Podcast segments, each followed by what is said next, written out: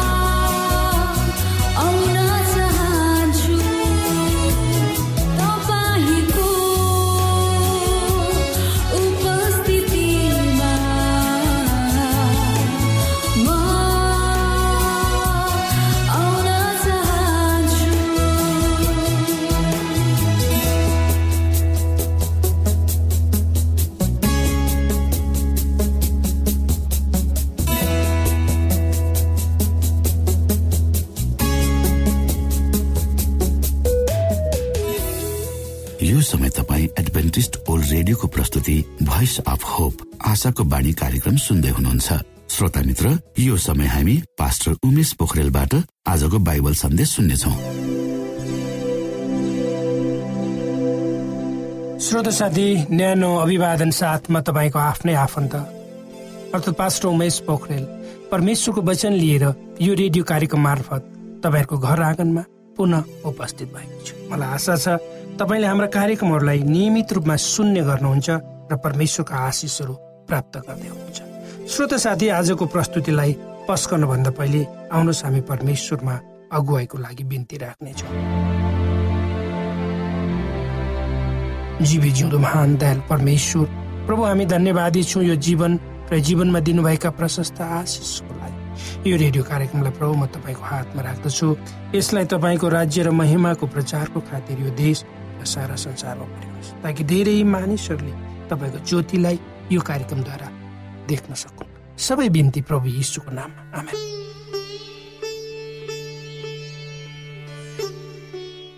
श्रोत साथी ज्वालामुखी जसलाई इङ्ग्लिसमा भोल्क्यानो भनिन्छ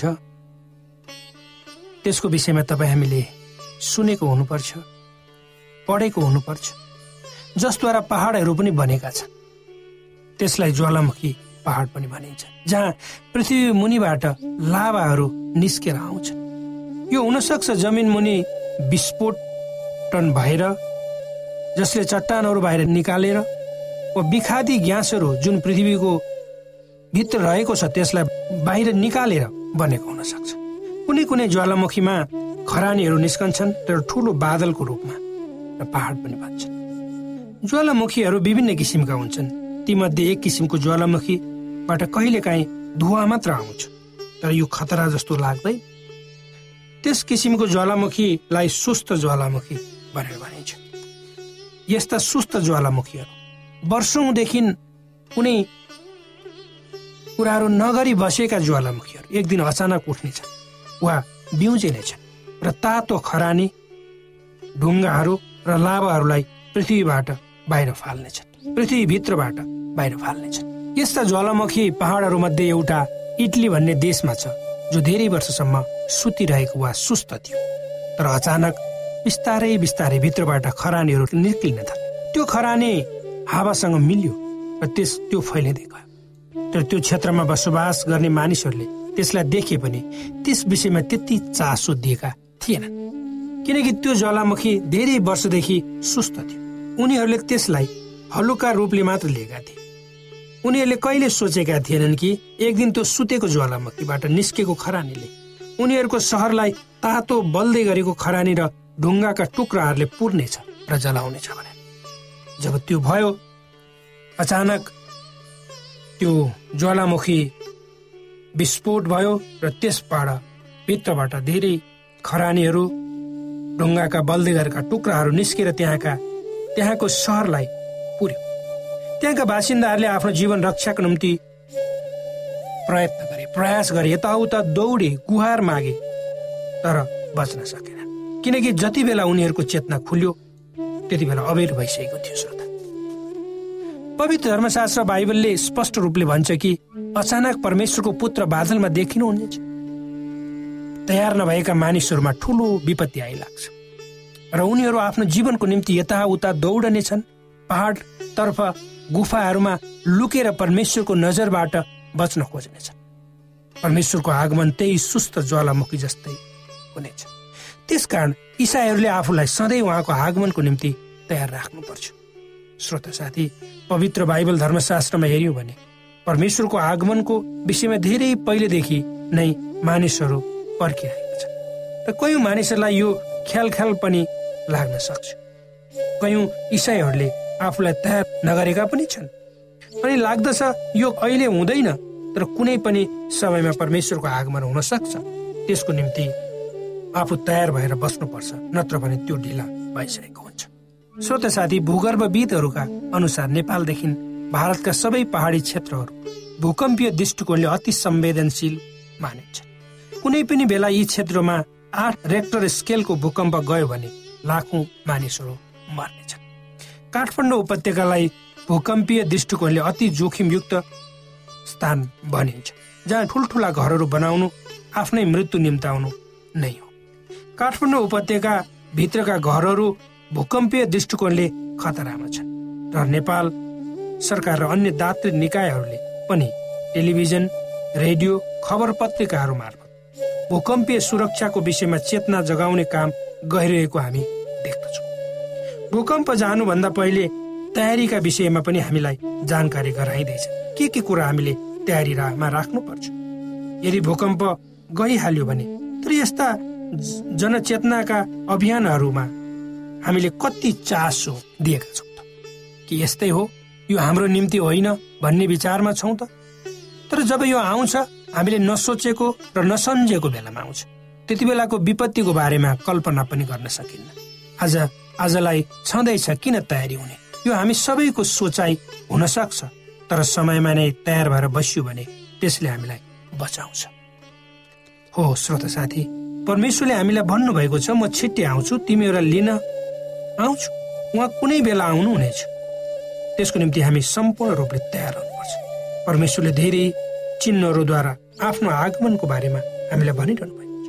अर्थात् संसारका घटनाक्रमहरूलाई हेर्ने हो भने उहाँको आगमन ढोकैमै छ भन्दा पनि कुनै अर्को अर्थ लाग्दैन। कुनै पनि समय उहाँ आउनुहुनेछ त्यसकारण उहाँ चाहनुहुन्छ हामी त्यसको निम्ति तयार रहनुपर्छ।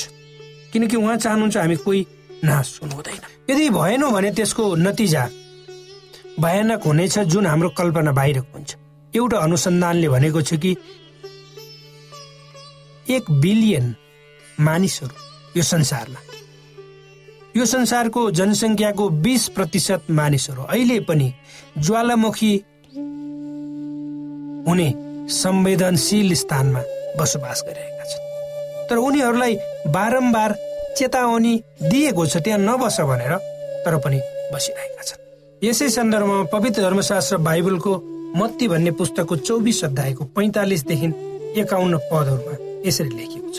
आउनुहोस् हामी विश्वासी र बुद्धिमान नोकर को को हो जसलाई त्यसको मालिकले आफ्नो परिवारका चाकरहरूलाई ठिक ठिक समयमा खान दियोस् पनि खटाउनु खटाएको हुन्छ। त्यो नोकर धन्य हो जसलाई मालिक आउँदा त्यसै गरिरहेको भेट्टा हुनेछ। साँच्चै म तिमीहरूलाई भन्छु मालिकले त्यसलाई आफ्नो सारा सम्पत्तिमाथि जिम्मेवार नियुक्ति गर्नेछ। तर यदि त्यस दुष्ट नोकरले मेरा मालिक बिहालो गर्छन् भनी मनमा ठानी आफूसँगै काम गर्ने नोकरहरूलाई पिट्न र मतवालाहरूसँग खान र पिउन लाग्यो भने त्यस नोकरको मालिक त्यसले नचिताएको दिन र नजानेको घडीमा आइपुग्नेछ अनि मालिकले त्यसलाई कठोर दण्ड दिनेछ र त्यसलाई पाखण्डीहरूका माझ फालिदिनेछ जहाँ मानिसहरू हुनेछन् र दारा कित्नेछन्। यी पदहरूमा भनिएको नोकर इटलीका इटलीको त सहर छ जुन ज्वालामुखीद्वारा नाश भयो। त्यही सहरका बासिन्दा जस्तै छ। जसले त्यो सुतेको ज्वालामुखी पुनः विस्फोट हुनेछ भनी कल्पना समेत गरेको थिएन। उसले आफ्नो हृदयमा सोचिरहेको थियो मेरो परमेश्वर अहिले आउनुहुन्न? उहाँ त सुतिराख्नु भएको छ। तर ज्वालामुखी हाम्रो सोचाइ भन्दा छिटो निस्कन्छ। के तपाईँ यस्तो किसिमको चेतनालाई गम्भीरतापूर्वक हेरिरहनु भएको छ? के तपाईँले यस्तो किसिमको चेतावनीलाई गम्भीरतापूर्वक लिनुभएको छ? हामीहरू ज्वालामुखीको डरलाग्दो विस्फोट हुने ठाउँमा जिरहेका छौँ। परमेश्वरले तपाईँलाई कुन बाटो हिँड्नुपर्छ र कुन बाटो हिँड्नु हुँदैन भनेर स्पष्ट गराइसक्नु भएको छ। यी वचनहरूद्वारा तपाईँले आफ्नो जीवनलाई अगाडि बढाउनु हुनेछ यही मेरो प्रार्थना।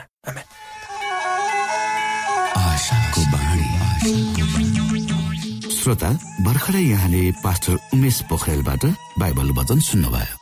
यो समय तपाईँ एडभेन्टिस्ट ओल्ड रेडियोको प्रस्तुति भोइस अफ होप आशाको बाणी कार्यक्रम सुन्दै हुनुहुन्छ।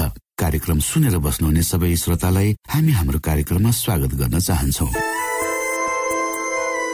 श्रोता मित्र यदि तपाईँ जीवनदेखि हरेस खानु भएको छ तपाईँका जीवनमा धेरै अनुत्तरित प्रश्नहरू छन् भने आउनुहोस् हामी तपाईँलाई परमेश्वरको ज्योतिमा डोहोऱ्याउन चाहन्छौ। तपाईँ आफ्नो जीवनका चिन्ता फिक्रीबाट निश्चिन्त हुनुहोस् र बाँच्नुको आनन्द परमेश्वरको सामिप्यमा कति मिठो हुन्छ त्यो चाख्नुहोस् भनी हामी चाहन्छौँ।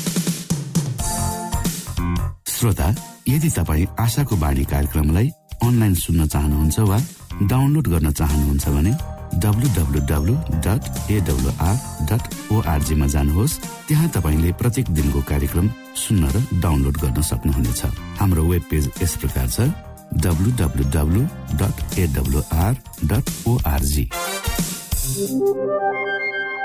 श्रोता यदि तपाईँ हामीसित सिधै फोनमा सम्पर्क गर्न चाहनुहुन्छ भने हाम्रा नम्बरहरू यस प्रकार छन्। अन्ठानब्बे एकसाठी पचपन्न शून्य एक सय बिस। अन्ठानब्बे एकसाठी पचपन्न शून्य एक सय बिस।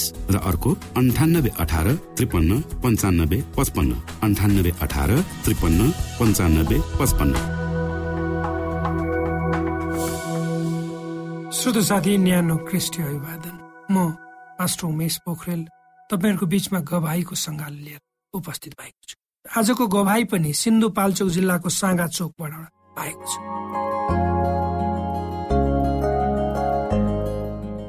साँगा चोकमा परमेश्वरको अचम्मको कार्य यसरी सुरु भयो। मेरो नाम मन्ना नेपाल हो र मसँग एकजना बहिनी हुनुहुन्छ। हामी दुईजना मिलेर परमेश्वरको काम गरिरहेका छौँ। हामी यहाँ आएको छ महिना भयो। हामीले सुरुमा चर्च चलाउँदाखेरि विश्वासीहरू अठारजना थिए। त्यतिखेर हामी निराश थियौँ।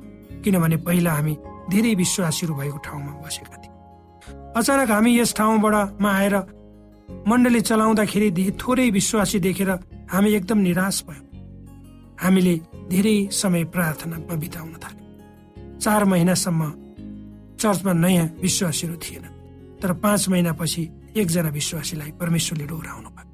र हामी धेरै गाउँ गाउँमा घुम्यौँ र हामीले परमेश्वरको सन्देशको पत्रिकाहरू बाँड्न थाल्यौँ र हामीले मान्छेहरूलाई स्वास्थ्यको विषयमा पनि सिकायौँ। ब्लड प्रेसर पनि चेक गर्यौँ। कोइलाको बारेमा उनीहरूलाई सिकायौँ। र उनीहरूलाई खानको लागि पनि दियौँ र कति मान्छेहरूको रोगहरू निको भयो। अनि परमेश्वरका सन्देश फैलिन थाल्यो र यो ठाउँमा आएपछि मैले तिनवटा सुत्केरी गराएँ र योद्वारा पनि परमेश्वरको सुसन्देश फैल्यो। र यी तीन सुत्केरी परिवार मध्ये एक परिवारले प्रभुलाई ग्रहण गरेर चर्च आएका छन्। र हामी बसेको गाउँभन्दा नजिकै गाउँमा पाँचजना बहिनीहरूलाई दुष्ट आत्माले सताइरहेको थियो र हामीलाई प्रार्थना गर्न बोलाइ र उनीहरूका परिवारले हामीलाई यसरी भने आमाहरूको भनाइ चाहिँ यस्तो थियो कि हामीले देवी देवता भाकल गर्यौँ धामी झाँक्री लगायौँ र डक्टरहरूमा पनि लग्यौँ। हामीले धेरै पैसा खर्च गरिसक्यौँ तै पनि दुष्ट आत्माले तिनीलाई छोडेन। यी आमाहरू आफ्ना छोरीहरूको पिरोलले गर्दा भोक प्यास र निन्द्रा हराइसकेका थिए। र उनीहरूको आँखामा चाहिँ आँसु मात्र थियो। आमाहरूको शरीर हाड र छाला मात्र भएको थियो। उनीहरूको उनीहरूको तिर्खा भनेको उनीहरूको आँखाका आँसु मात्र थिए उनीहरूले आफ्ना सबै दुःखहरू हामीलाई पोखे। यो कुरा सुनेर मेरो आँखामा आँसु आयो। त्यतिखेर एकजना बहिनीलाई छोपिहाल्यो भूत हातमा लागेको थियो। पाँचजना बहिनीहरू थिए र एउटालाई छोपेपछि पाँचैजनालाई। त्यसपछि हामीले सबैलाई एकै ठाउँमा राखेर प्रार्थना गर्यौँ। यस्तो अवस्थामा हामीलाई एकदमै गाह्रो भयो तर हाम्रो विश्वास झन् बढ्दै गयो। बाइबलमा प्रभु येसुले आफ्ना चेलाहरूलाई यस्तो आज्ञा दिनुभएको थियो तिमीहरूले भूत आत्मा लागेकालाई निको पार्नेछौ। मैले त यो कुराहरू बाइबलमा पढेको थिएँ तर प्रभु येसुले त मेरो जीवनद्वारा पनि भूत आत्माहरू लागेकाहरूलाई निको पार्न चङ्गाईको वरदान दिनुभयो र म एकदमै खुसी भएँ। अब यस्तो अनुभव मैले भोगेर उनीहरूको लागि हामीले दिन रात नभनिकन उनीहरूकै सेवाको लागि हामीले आफ्नो समय बिताउ। र उनीहरू बिस्तारै बिस्तारै निको हुँदै गए। यी पाँचजना मध्ये दुईजनाले चाहिँ प्रभुलाई ग्रहण गर्ने गरेनन् तिनजनाले चाहिँ विश्वास गर्दछन्। प्रभु येसुले आफ्नो अचम्मको काम उनीहरूको जीवनद्वारा गर्नुभयो। अहिले उनीहरूको स्वास्थ्य एकदम राम्रो छ। उनीहरूका आमाहरू धेरै खुसी छन् र उनीहरूलाई पनि अचम्म लागेको छ। आमाहरूले भन्नुहुन्छ कि मेरा छोरीहरूको जीवन नयाँ भइसकेको छ। तर मेरो छोरीहरूको जीवन नाश भइसकेको थियो। तर प्रभु येसु मुक्तिदाताले बचाउनु भयो भनेर सबै खुसी छन् आनन्दित छन्। अर्को एकजना बुढी आमा हुनुहुन्छ। उहाँले चाहिँ आफ्नो जीवनभरि देवी देवतालाई पूजा गरिरहनु भएको थियो। तर उहाँ अचानक बिरामी हुन्। उहाँले कति भाकल पुरा गर्नुभयो तर कति कति धामी झाँक्री लगाउनु भयो तैपनि उहाँको रोग निको भएन अनि उहाँ हताश निराश भएर उहाँले चाहिँ मेरो रोग कसरी निको हुन्छ भनेर खोज तलास गर्दै हुनुहुन्थ्यो। त्यही समयमा प्रभु येसुले एकजना विश्वासीलाई उहाँ कहाँ पठाउनु भयो। त्यति नै बेला हामी पनि त्यहाँ पुग्यौँ अनि हामीले प्रभु येसुले गर्नुभएको अचम्मको कामहरू उहाँलाई बतायौँ अनि हामीले प्रार्थना गर्यौँ गरौँ भन्दाखेरि उहाँले हुन्छ भन्नुभयो। उहाँको घाँटीमा ठुलो खटेरो थियो। त्यो चाहिँ क्यान्सरको चिन्ह रहेछ। र यस समयमा शैतानले पनि दुःख दिइरहेको थियो। र उहाँलाई खान मन लागेन तिर्खा नलाग्ने घाँटी खसखस खस्काउने अनि दम सुरु भयो अनि प्रार्थना गरेपछि निको हुनुहुन्थ्यो। आज उहाँले पनि प्रभुलाई ग्रहण गरिसक्नु भएको छ। त्योभन्दा बढी उहाँका नातिनीहरू विश्वासमा अगाडि बढेका छन्। उहाँको नातिनी उन्नाइस वर्षकी छन् र उनी दस कक्षामा पढ्दैछन्। उनलाई चाहिँ आमा बुवाले आमा बुवाले आफ्नो समस्या भएको कारणले गर्दा त्यागिदिएका रहेछन्। र उनलाई प्रभुको बारेमा भन्दाखेरि एकदम चासो लिएर प्रभुको वचन सुन्दछ र उनको लागि प्रार्थनाको आवश्यकता छ। उनको जीवन कहानी एकदमै दुःख लाग्दो छ। एकजना नयाँ विश्वासी भाइ छ। उसको जीवनमा पनि दुःख लाग्दो घटना घटेको छ। उसका एउटा हात छैन। अनुहार बिग्रेको छ। ऊ आठ वर्षको हुँदाखेरि दुष्ट आत्माले आगो बलिरहेको अगेनामा उसलाई धकेलेर उसका एउटा आँखा देख खतम भयो। मुख बिग्रिएको छ। एउटा हातको हत्केला छैन।